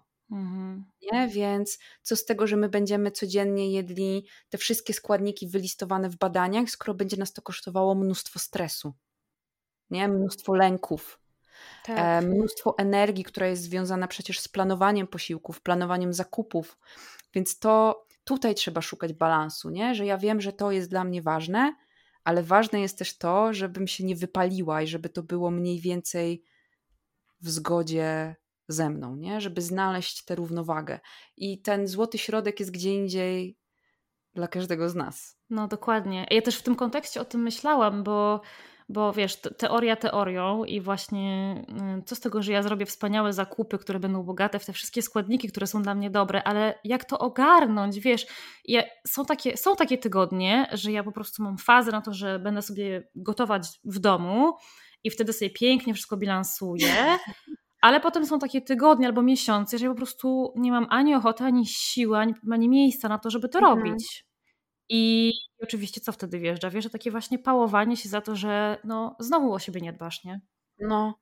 I to, I to twoja wina, nie? Tak. E, albo przecież ja mam na przykład, wiadomo, czego nie widać, to nie istnieje. Więc jak ja zamykam lodówkę, to to wiesz, nie ma. I na przykład, wiesz, więc jak nie mam wypisanego jakiegoś takiego względnego planu, co ja będę jeść i z czego, nie, no to chociaż tak ogółem. E, bo u mnie to działa tak, że ja mam po prostu już wypracowaną taką pulę posiłków. E, na przykład pulę śniadań. Nie, że mam, nie wiem, pięć rodzajów posiłków, które zawsze jem na śniadania i ja mam to w głowie, już mi się to wryło, yy, nie zajmuje mi już to pamięci operacyjnej e, i nie, nie wprowadzam tam nowych rzeczy, nie? bo ja nie jestem, musiałabym to dopisać do tej bezpiecznej puli. Nie? No i bardzo często jest tak, że wymyślę sobie, a, bo, bo czasami mamy takie strzały mam ochotę na coś nowego, nie? Jakby koniec z tymi jajkami w czterech wersjach. E, teraz będę, nie wiem, jadła sałatkę z kozim serem. I kupisz, wiesz, ten kozi ser za ciężki hajs, bo on jest jeszcze drogi. E, I go potem, wiesz, y, trzy tygodnie później wywalasz do śmieci, nie? Bo, bo nie wpisałaś w plan i, e, i po prostu czego, czego nie ma, to, to nie ma. E, druga też ważna, myślę, rzecz, taka, z którą wiele z nas się może utożsamić, to jak spadamy bardzo nisko na tym poziomie głodu, albo już jesteśmy bardzo wyczerpani, czyli na przykład skończyliśmy, no bo jakby umówmy się, hiperfokus też jest bardzo wyczerpujący. Nie, ja tę naszą rozmowę też pewnie wiesz, będę od, odsypiać do niedzieli rano. Nie? Bo to też jest jakby wymaga ode mnie dużo e, takiego skupienia, żeby mieć jakiś był ład i skład. E, dlatego już jak wiesz, im dłużej rozmawiamy, tym już bardziej zaczynam tak wiesz, się rozklejać. E, to bywa tak, że wiemy, że jesteśmy głodni, czujemy, że jesteśmy głodni, ale e, mamy ten paraliż decyzyjny. Tak. Nie? I stoisz w tej pełnej czasami lodówce, to, to jest tak jak to, co było u mnie w Subwayu wczoraj. I, I kończy się tym, że nie jesz nic. Nie? I idziesz na tym pustym żołądku, bo nie, bo nie jesteś w stanie po prostu. Tak, Jezu, e, wyczerpała się już cała dopaminka, nie? Jakby koniec, nie ma. E, I to jest takie też, jakby wiesz, e, na to trzeba zwracać uwagę, uwagę też i być uwrażliwionym u, u osoby z ADHD, ale też bardzo mocno na to, że, e, że wszyscy uważamy, że to jest nasza wina i że gdybyśmy tylko trochę bardziej się starali, to, to byśmy zdrowo jedli i zdrowo żyli. Nie? I, e, i, i myślę, że ta moja praca pod tym względem ja jestem też dumna ze swojej pracy, że to jest naprawdę takie miejsce, gdzie możecie jakby przyjść z tym i usłyszeć, że to jest nieprawda, nie? Że to jakby nie jest twój problem i to nigdy nie był twój problem, mhm. nie? Um, I jak już możesz sobie z tego oczyścić chociaż trochę głowę, nie? I wiedzieć, że yy, no bo jakby w, yy, wszyscy się wspinamy na swoje góry, nie, jakby to, to nie jest tak, że nie wiem, ja już jestem w tej swojej podróży, już mam rozkminione wszystko, nie? Ja też jakby zapierdalam, przepraszam za wszystkie słowo, e, po swojej górze. E, I ty też masz swoją górę, nie? I razem się wspinamy po tej górze.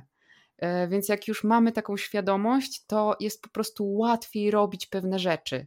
Kiedy robisz to e, z takiego punktu wyjścia, ja się chcę sobą zająć, nie? Ale tak chociaż raz w zgodzie E, w zgodzie ze sobą. I jeżeli to nie jest zgodne ze standardami świata dietetycznego, okej, okay, nie? 30 lat życia spędziłaś na dostosowywaniu się do czyichś standardów, więc może spróbujmy teraz się ustalić jakieś swoje własne um, standardy.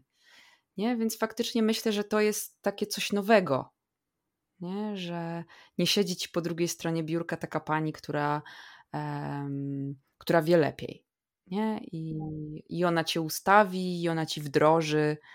Um, więc, e, więc no fajnie, nie? Że e, kiedyś, no, no, nie wiem, powiedzmy te dwa lata temu jeszcze bym sobie pomyślała, że mm, nie wierzyłam, że będą osoby, które będą chciały ze mną pracować.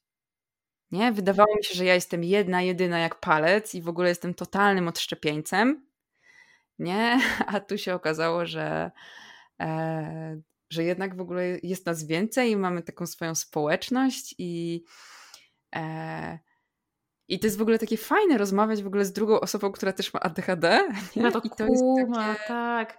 Tak, ja rozmawiałam o tym e, z, z, tymi wszystkimi kobietami, które, które mam okazję zapraszać i, i które poznaję jakoś tam gdzieś tam przez. E, e zaczynamy budować taką swoją społeczność neuroatypową i to odkrywamy, że to jest chyba najważniejsze w tym wszystkim, to właśnie budowanie tej społeczności, tej wspólnoty, gdzie my się po prostu rozumiemy bez słów. Mhm. Tak jest. Że to jest tak, że to daje takie poczucie bezpieczeństwa, nie? Tak.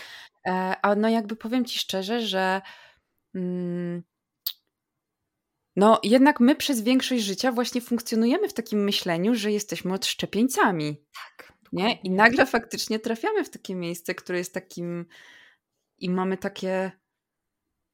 To jest, e, to jest też jakby takie, takie bardzo, bardzo e, le, leczące, nie? I przy, przynajmniej dla mnie, nie? Że jakby e, właśnie ostatnio się jarałam tym i nawet pisałam posta o tym mm, na grupie, że wypracowałam, ponieważ ja po każdej konsultacji wysyłam materiały. I zawsze prokrastynowałam do oporu to wysyłanie, nie? Że. I udało mi się gdzieś tam tak sobie to jakoś przetłumaczyć, bo mnie ta prokrastynacja wysyłania, wysyłki tych materiałów bardzo e, drenowała, że teraz wysyłam materiały w ciągu 24 godzin od konsultacji. Nie? I miałam takie. I napisałam o tym posta, nie? I ludzie mi tam pisali, że wow, stara, zajebiście, nie? I to jest mm. takie, wiesz, jakbym poszła do mojego neurotypowego do bólu partnera, nie? To by ci powiedział, wiesz, puknij się w głowę, nie? A ja mam tutaj, wiesz, to, no to jest powód do, e, do świętowania, więc e, no tak jak też mówiłam, człowiek istota społeczna, my potrzebujemy więzi, potrzebujemy relacji um, i potrzebujemy mieć ludzi, przy których e, możemy być sobą. Absolutnie. Nie?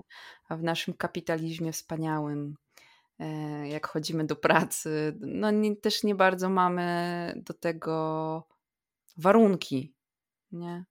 Gdzie ja nawet się czasami zastanawiam, czy, czy mogę wziąć swoje słuchawki, nie? Wyciszające, jak gdzieś idę do knajpy e, z jakimiś znajomymi, bo się zawsze jakby, wiesz, krępuje, nie? Że jakby wiadomo, nie? Jakiś e, nienormalny człowiek, nie? Jakby siedzi w wielkich słuchawkach.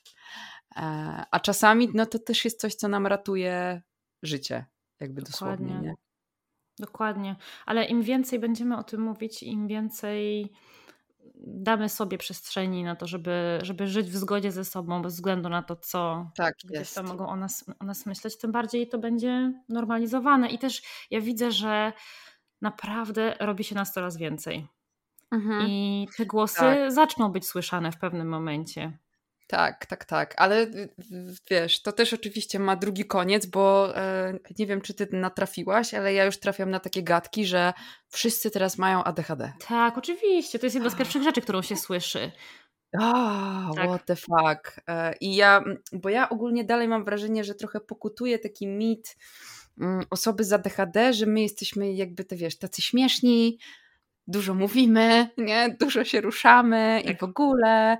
E, więc ja chyba nawet kiedyś pamiętam, że się wkurzyłam na Instagramie i mm, ponieważ ja korzystam z aplikacji Habitika, nie wiem czy kojarzysz, taka nie. apka wykorzystująca teorię gier do budowania nawyków. Że jak sobie tam klikasz, to, to budujesz sobie postać i która ci robi levele, możesz jej kupować itemy, E, I ja mam w tej aplikacji wpisane takie rzeczy jak umyj zęby, weź prysznic, nie? I, e, I tego typu, nie? Więc jakby to naprawdę nie jest jakieś takie, wiesz, że my się jakoś świetnie bawimy, nie? No jakby to, że o niektórych rzeczach, rzeczach nie mówimy, to nie znaczy, że, e, że ich nie ma, nie? Więc e, to wcale nie jest, nie zawsze jest to taki fan, nie? Że musisz e, sobie zaznaczać w aplikacji, żeby umyć zęby, nie? Bo przecież idziesz do łazienki i o, książka, nie? Tak. Jakby co ona robi? I to, to, mnie czasem zastanawia, jak takie osoby wygłaszają te mądrości, czy, czy one wiedzą, co mówią właśnie, nie? Że, że to jest to. Kto nagle obudziłby się któregoś dnia i stwierdził, a, wymyślę sobie, że mam ADHD, bo to jest takie super. Znaczy, mi się wydaje, że to jest kwestia tego, że są, no nieświadomość oczywiście i takie, że, że, że to jest jakieś takie, wiesz, coś, co my możemy użyć jako wymówki, że jakby w tę stronę. Natomiast ja się bardzo często śmieję, że wiesz, że... Um, no jakby nam nikt nie musi mówić, że my używamy czegoś jakoś wym jako wymówki, my sobie sami to wmawiamy, nie? że to jest twoja wymówka, jesteś po prostu leniwa. E, jak na przykład ktoś mi coś tam mówi, że wiesz, że czegoś tam nie powinnam, e, jak ktoś mi coś tam mówi, że no zawaliłaś, nie? Mówię, nie musisz mi tego mówić, ja już sobie sama powiedziałam 15 razy, nie? Że... Tak jest. I tak samo jest za DHD, nie? Że nie musisz mi mówić, że to jest jakaś wymówka, że to moje lenistwo. Ja spędziłam 30 lat życia, jakby powtarzając sobie to, nie? Dokładnie. Że, że to nie jest żadne ADHD. Więc, e, więc myślę, że to jest kwestia tego, ale bardzo wkurza. E, I może powinniśmy też mówić więcej o tej właśnie ciemnej stronie. Nie, że, e, że czasami są też właśnie problemy z higieną, nie? Albo problemy z, e, z czystością, ale nie do takiego stopnia, że wiesz, e, masz gdzieś tam taki lekki bałaganik, nie? Tylko e, czekaj, raz, dwa, trzy, cztery. Widzę cztery kubki na swoim biurku, nie? I jakąś pleśniejącą butelkę z herbatą na mm, mrożoną na parapecie. Znany widok. I to nie są takie glamour rzeczy, no bo wiadomo, mówią nam bądź autentyczny i bądź sobą, ale dopóki nie naruszasz za bardzo jednak tych, tych sfer komfortu, nie? Tak jest. Tak, i między innymi dlatego zapraszam tutaj dziewczyny, żeby o takich rzeczach między innymi też mówiły, bo, bo to trzeba, to trzeba, to musi wybrzmieć. Tak. E, ale Ania, ja nie chcę cię za, za bardzo zatrzymywać, bo już do, domagają się ciebie. Słuchaj, tak na podsumowanie, szybkie pytanie, na które na pewno nie ma szybkiej odpowiedzi, ale spróbujmy. Czy są jakieś takie tipy, które mogłabyś dać osobom związane właśnie, osobom, które chcą zadbać o siebie, jeśli chodzi o mhm. odżywianie, a mają, a są neuroatypowe? Od czego zacząć? Jasne. Um, bardzo dużo rzeczy, jeśli chodzi o jedzenie, robimy na automacie. Nie? Jakby bardzo mało tak naprawdę zwrócę, zwracamy uwagę, jak jemy, kiedy jemy, co jemy, dlaczego jemy i co się dzieje jakby w, w nas, e, kiedy jemy. Więc to wszystkie procesy, które ja zaczynam, to zaczynam od takiego etapu, kiedy jesteśmy super wyczuleni na to jedzenie. Czyli po prostu prowadzimy automonitoring. Albo robimy zdjęcia wszystkim tym posiłkom, e, które, które jemy, albo sobie zapisujemy to analogowo. Większość moich klientów e, i klientek wybiera zdjęcia. I przy okazji każdego posiłku, tak, staramy się tam właśnie gdzieś zwrócić do środeczka, tak, i, i się zastanowić, tak, jakby jak ja się teraz czuję, gdzie jest ten mój głód, e, na co ja mam w ogóle ochotę, I na tym pierwszym etapie też dbamy o to, żeby albo nawet ustawić przypomnienie na telefonie, żeby jeść maksymalnie co 4 godziny. Dlatego, że co 4, co 4 godziny, po 4 godzinach rusza właśnie ta kaskada fizjologiczna. Nie, już jest bardzo często się wtedy zatrzyma, bardzo często jest trudno się zatrzymać, uszanować swoją sytość, więc ten automonitoring tak, że tak totalnie rzucam reflektor na swoje jedzenie e, i staranie się o to, żeby jeść co 4 godziny. Na tym pierwszym etapie wcale e, nie jest ważne, co my jemy co te 4 godziny, ale żeby to było co 4 godziny. Nie? Więc jeżeli, nie wiem, jesz sneakersa i potem za, zagryzasz chipsami, spoko, ale żeby było co 4 godziny. Nie? I to tak na sam początek. I jeżeli e, już to praktykujemy, to zrobić sobie, spróbować sobie wyrobić taki nawyk. Bardzo często sprawdzamy, co tam, nie wiem, u znajomych, u przyjaciół, u dzieci, a nie sprawdzamy, co u nas. Nie? Więc, żeby sprawdzić też, co, co u nas, tak? Um, głód fizjologiczny to nie jest tylko burczący brzuch i ten przyssany jakby żołądek do kręgosłupa. To są też problemy z koncentracją, to są huśtawki nastrojów, to jest senność, to są drgania mięśniowe, to są zawroty głowy. Więc to, że ty jakoś wyjątkowo się nie możesz skupić na danym zadaniu, wcale nie musi oznaczać, że to pora na kolejną dawkę e, Medikinetu, tylko że po prostu już bardzo dawno nie jadłaś. Nie, więc żeby sprawdzić, tak, jakby co u mnie, jak się czuję, czy coś mnie boli, czy czegoś potrzebuję, tak, kiedy ostatnio jadłam.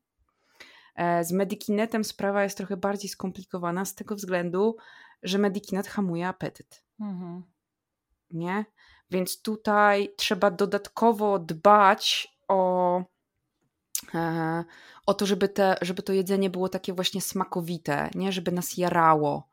E, więc tu się trzeba trochę rozeznać, jakie konsystencje lubię, jakie smaki, zapachy, co po prostu jest dla mnie takim jedzeniem super, nie? I no, starać się mimo tego brak, braku apetytu jeść. A jak Medikinet schodzi i jest pierwsza w nocy, to i tak jak głód uderza, to zawsze szanujemy głód, nie? E, bo czasami potrafi nam wyjeżdżać taka zasada, że ostatni posiłek o 18, nie? E, wiadomo. Ale nawet jak o pierwszej w nocy jesteśmy głodni, to, to żeby ten głód respektować, nie? Czyli Pierwszy etap to jest tak naprawdę e, ja bardzo często mówię, że mnie nie interesuje jakby co wyjecie i ile wyjecie, ale dlaczego wyjecie, nie? E, I żeby właśnie tak się super skupić na tym, tak? Jak właściwie wygląda to moje jedzenie, nie? Jak często ja jem, co ja jem, dlaczego jem, tak? Jakie emocje mi towarzyszą przy jedzeniu, jakie myśli mi towarzyszą e, przy jedzeniu.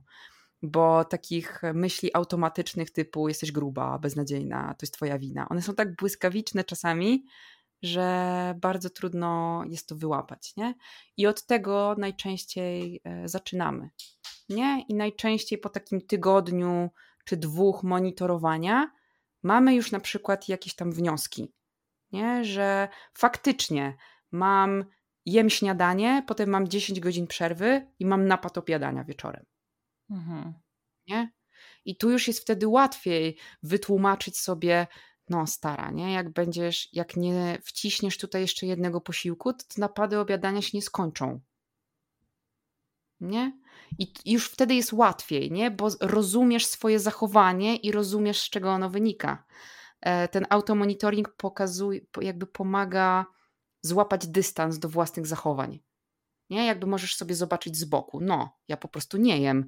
Więc nic dziwnego, że potem mój organizm zgłasza się po, po to, co szybko dostarczy dużo kalorii. Mhm. I łat, łatwiej jest po prostu nie mówić sobie, to jest twoja wina, nie? Tylko to jest fizjologia. To, nam, e, to są mechanizmy, które od milionów lat pozwalają e, nam e, przetrwać. Nie? Więc od tego za to jest jakby tak naprawdę super banalne, znaczy to nie jest banalne, automonitoring jest zajebiście trudny, ale, ale jak zrobimy to gdzieś tam, poświęcimy faktycznie temu czas, to dużo informacji potrafi nam przynieść. Nie? A co dalej, to już jest ło! może kiedyś, nie wiem, napiszę o tym książkę. E, myślę, że to nie jest zły pomysł. E, to, co dalej, to, co dalej dowiedzą się osoby, które pójdą do ciebie na konsultację. Tak, zapraszam, zapraszam serdecznie. Um, no bo tak jak mówię, na pół etatu muszę dorabiać, nie? Dobrze by było się poświęcić temu na 100%. No to życzę Ci tego, żebyś, e, żebyś mogła z, te, z tej połówki etatu w końcu zrezygnować i zająć się w 100% tym, co robisz teraz, bo robisz naprawdę świetną robotę. Fajnie, że jesteś. Uf, super, bardzo, bardzo, bardzo się cieszę.